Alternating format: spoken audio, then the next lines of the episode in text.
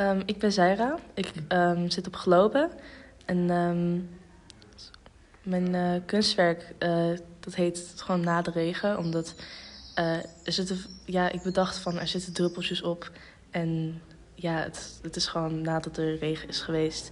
En het idee was meer ook van hoe mensen, weet je, hoe er ook, weet je, gewoon in je leven dingen gebeuren. En dat soms was het gewoon weg en dan is het voorbij en dan begint er weer iets nieuw, nieuws. En dan, ja, dat was het idee. Um, Emilio heeft mij geholpen met um, het, ja, gewoon het idee ook van die druppeltjes. Van, ik liet mijn uh, lijnpistool gewoon op de tafel hangen en, en ja, hij was erbij en ik was van, hey, is het niet een goed idee om van dat gewoon, dat kan ik op mijn beeld gebruiken? Hij is van ja.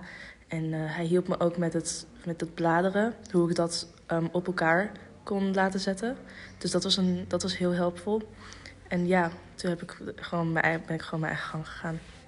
Ja. Um, ik ben Ismina Abayari van uh, het Geloven College, derde klas. En um, ik ben de maker van het kunstwerk Cornelius.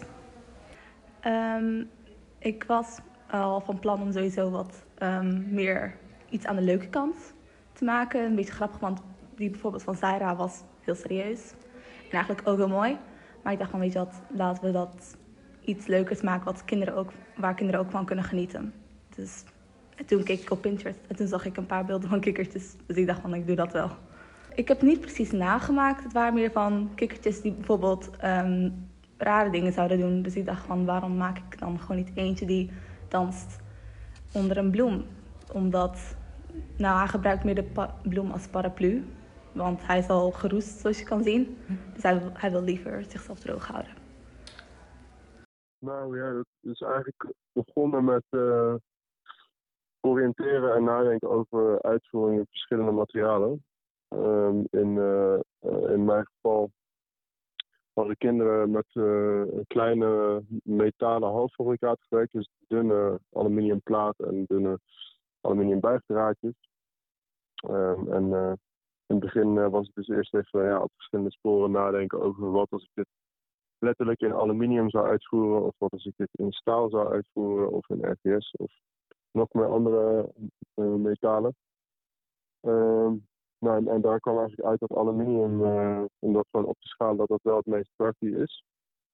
Ehm, vanwege ehm, nou meerdere, meerdere zaken. Eén is het gewicht. Twee is dat het niet verder nabehandeld te worden. Als je staal zou hebben, dan zou het uh, nou, ineens een hele andere kleur hebben. Dan zou het gespoten of gelakt of iets dergelijks moeten worden. Dat is bij aluminium niet. En aluminium is wel heel fijn en makkelijk bewerkbaar. Dus het is, licht en uh, laat zich vrij makkelijk bewerken. Dus uh, nou, zo ging dat een beetje. Uh, en vervolgens, nadat ik die keuze had gemaakt, nou ben ik dus na gaan denken over wat heb ik dan nodig uh, qua onderdelen en materialen. Toen ben ik dat gaan inslaan, gaan shoppen. En, en toen uh, ben ik eigenlijk begonnen met uh, nou bepaalde hoofdonderdelen. om daar een uitslag, papieren uitslag van te maken en dat letterlijk op te schalen op de grote, op de grote platen en, en onderdelen.